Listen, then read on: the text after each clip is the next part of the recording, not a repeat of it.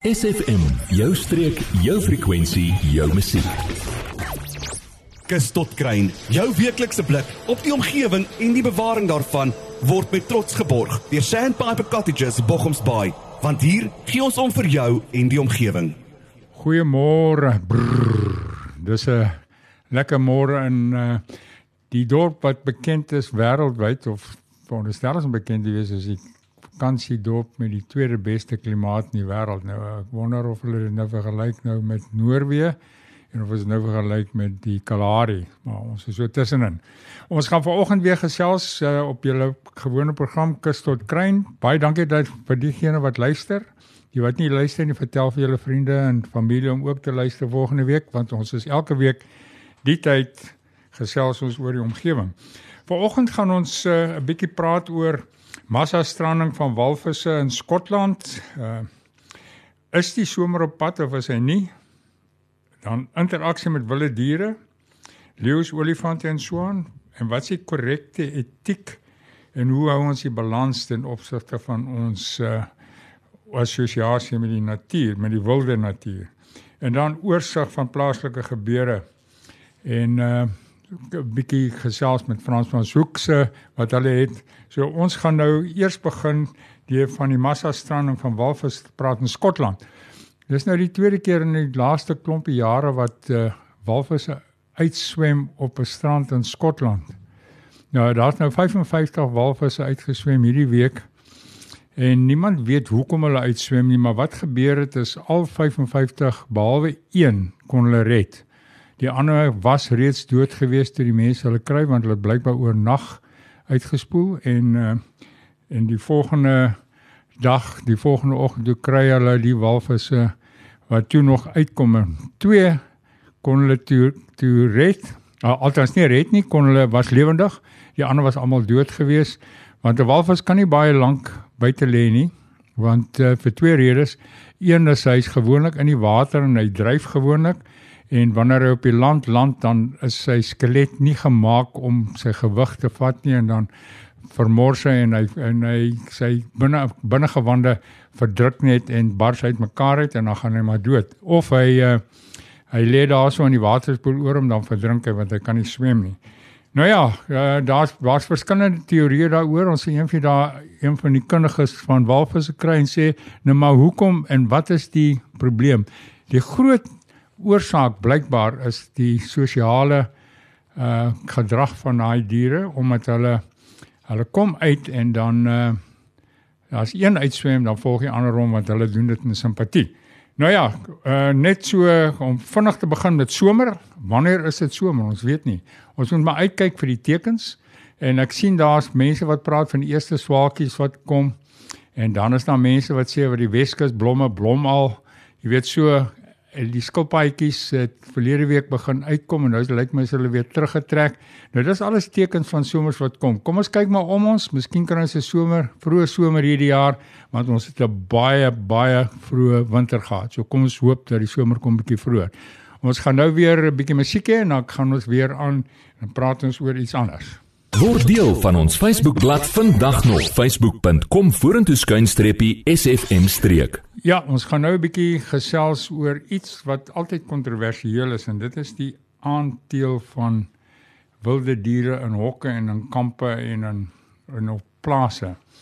Die laaste tyd is daar baie op die sosiale media uh druk op mense om te proteseer en om uh asseblief beswaar aan te teken teenoor die teeling van van veral katspesies en ook uh, renosters. Uh, katspesies in die uh in die wild is uh word nou gebruik, hulle word in hokke gesit, hulle kry kleintjies, die klein uh leeuetjies, die klein tiertjies, die klein luipertjies en dan word mense gelok om soontoe te gaan en die diertjies te streel en aan te vat en te, op en, en te agshame En wat gebeur met hierdie diere al wat gebeur op die eind van die dag en dis 'n baie bewyse ding dat meeste van die plase wat dit doen, wat sê dat hulle die leeu's gaan terugsit in die wild, doen dit wel maar hulle doen dit en mense gaan soontoe en hulle gaan skiet hulle.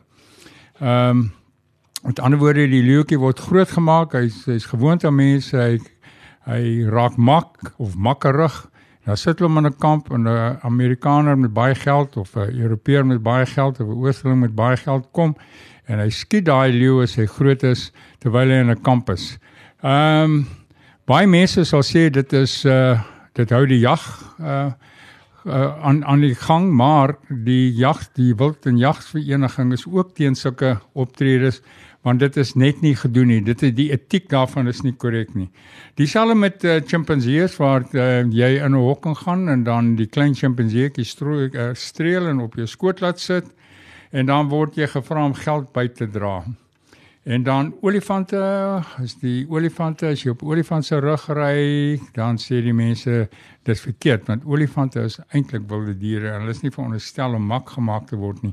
En dikwels word die gees van so 'n olifant gebreek sê hulle as die olifant uh, mak gemaak word op die basis dat hy kan word. Nou, en dit is dit die etiek daarvan is net nie goed nie. En dan die uh, die aandeel van trofee om diere te jag.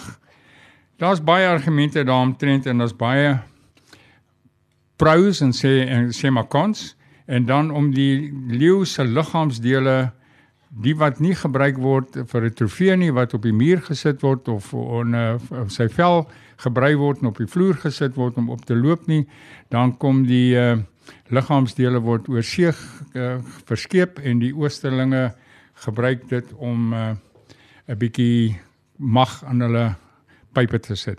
Baie dankie. Ons gaan nou weer 'n bietjie musiek hê en dan gaan ons terugkom na ons gewone program Kus tot Kruin soos wat julle nou na luister. Dankie. SFM, is jy deel van die Suid-Kaap? Môre, ons is terug en ons gesels 'n bietjie oor die omgewing. Ons het nou nou net gepraat uh die vorige inset het ons gepraat oor die uh oor die wilde diere en die katte wat aangeteel word. Nou is die groot probleem en dit is 'n aanhoudende probleem wat gebeur en dit gaan nie ophou en 'n mens weet nie wanneer dit gaan ophou nie. Is die die olif ag ekskuus tog die renosterhorings. Die aanvraag na renosterhorings is geweldig groot en dit word al hoe groter en groter. Nou sê mense jy moet meer renosters aanteel dan sal dit die vraag bevredig. Maar is dit so? Jy weet hoe meer die meer mense gaan dit wil hê. En dan hoe teel jy renosters aan? Jy weet 'n renoster is 'n wilde dier. As jy hom aanteel in 'n kampie, dan moet jy hom baie voer en dan verloor hy sy sosiale gedrag. Uh daar word te veel diere op een stukkie uh groot gemaak en dan uh, natuurlik uh, verloor hy sy soort van manlikheid en en sy verdedigingsmeganismes want sy horing is eintlik sy sy mag. Dan word daai horing net gevat, die renoster word doodgemaak Die horing word afgesny en dis al wat hulle gebruik van die renoster omtrent wanneer die res is omtrent onbenutbaar. Dan olifante ook. Ehm uh, olifante sê hulle moet jy maar aanteel en uh, jy kan hulle maar skiet en jag want vir die ivoor. Maar eintlik al wat uh, 'n uh, olifant uh, het is sy tande. Die res van die olifant word gemors want jy kan nie 'n olifant kop op jou muur gaan sit nie. Dis baie moeilik om dit te doen. En jy en en die vleis word nie geëet nie. Dan perlemoen. Jy weet perlemoen word nou uh, geboer met perlemoen omdat die aanvraag na perlemoen in die ooste ook baie hoog is en dit is uh, vir 'n uh, afrodisiak. Hoe hanteer mense hierdie goed? Moet ons nou begin haie aanteel sodat ons die vinne kan uh, gebruik of uh, en hoe teel mense klompie haie aan? Dis amper soos in 'n dieretuin is dit moontlik om te doen. En dan natuurlik die een van die ander diertjies wat nou baie geteken word is die armadillos. Dit is hierdie daai een met die skibbietjies en daai skibbietjies blykbaar het 'n genesende effek op allerlei uh dinge vir al die seksuele gedrag en die seksuele behoeftes van mense in die ooste. Kom ons kyk 'n bietjie uh na hierdie goed en kom ons ondersteun dit nie waar ons gevra word om dit te ondersteun as ons nie seker is dat die inkomste wat verdien word hier uit teruggaan om die diere uh die wilde diere uh, te verryk en eintlik in ons omgewing te verryk en die biodiversiteit te hou nie. Volgende week gaan ons uh, miskien uh, praat en ek probeer nou met uh die mense van Ubuntu bymekaar kom dat ons môre 'n uh, bietjie gaan praat want hulle het ook wilde leeu's wat hulle nou aanhou ons sal sien wat die manier is wat hulle dit doen en uh of hulle die die vraag na die wilde diere se behoeftes uh, na omsien en hoe die mens kan benut uit die wilde diere uit en kan leer uit. Baie dankie. Ons gaan nou uh, nog 'n bietjie musiek hê en dan gaan ons uh, afsluit met 'n paar interessante van wat plaaslik plaasvind. Jy, ja jy. Nou dat ons jou aandag het, vertel jou vriende van SFM en ondersteun plaaslik. SFM maak elke dag 'n goed gevoel dag. SFM. Hier is die laaste inset vir oggend uh, oor ons program oor die natuurkus tot kruin elke uh, donderdag om 11:30 hier op SFM. 'n uh, Bietjie nuus van Frans van Soek wat maandeliks 'n nuusbrief uitstuur Frans van Soek bewaar ja, dit is nou uh hulle het uh, twee goed wat vir my baie interessant was nou en dit is uh die wilduitdunning. Is wilduitdunning belangrik? Ja, dit is belangrik sê hulle. En hulle sê hoekom dit belangrik is want uh, elke dier het 'n ruimte waarin hy kan uh suksesvol voortbestaan en daai ruimte gaan gewoonlik gepaard met hoeveel kos daar is. En as jy te veel wilde diere uh, op een klein stukkie grond uh, bymekaar maak en net aanhou voer, dan vind daar sosiale wangedrag plaas. So die ruimte wat 'n die dier het, is baie noodsaaklik. Dieselfde met 'n mens. Sit twee mense in een kamer vir 'n week en hulle kan oor die weg kom as dit 20 mense in daai kamer vir 'n week al gee hulle hoeveel kos en hoeveel ander fasiliteite hulle gaan begin beklei. En dit is dieselfde met diere. Uh ook dit uh, uh om om uit te dun vir roet siektes. Dit klink miskien nie menslik nie, jy skiet die goed dood en dan uh die springbokkies wat jy nou soveel op jou plaas bymekaar gemaak, moet jy nou skiet en dan word daar biltong van gemaak, maar dit is maar hoe die lewe werk as 'n mens die die spesies aan die gang wil hou daaroor.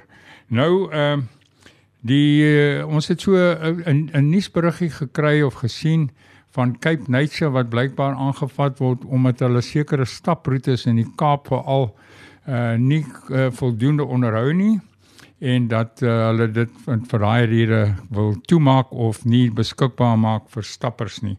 Nou ja, dit is uh, uh moeilik want Cape Nature ontken dit natuurlik, Maar 'n mens moet maar mooi kyk daarna want ek dink een van die beste maniere om die natuur te leer ken is om maar te stap met jou voete vir die wat kan stap. Dit is alles goed en wel om op die televisie te sien, maar as 'n mens nie naby die grond kom nie, dan kan jy nie werklik die interaksie tussen die mense en die natuur beleef nie. Ek wil net vir julle sê baie dankie vir julle luister vanoggend. Ons gaan nou afsluit en dan uh, volgende week gaan ons weer aan en dan gaan ons hopelik met Ubuntu praat oor die uh, of die uh, opvoeding van die wilde diere wat wat uh, uit sirkusse uit uh, gegooi word en so aan om hulle bietjie op te pas. Baie dankie en totsiens tot volgende week. Hierdie program was vir jou gebring deur Sandpiper Cottages in Bochoms Bay. Weggesteek in 'n ongerepte baai en Bavaria off the beaten track slegs 30 km vanaf Mosselbaai. Kontak Sandpiper Cottages via die webwerf sandpiper.co.za of per WhatsApp 081 071 6735. Adverteer jou besigheid vandag nog op SFM. Vir meer inligting skakel SFM gerus by 044 801 7811.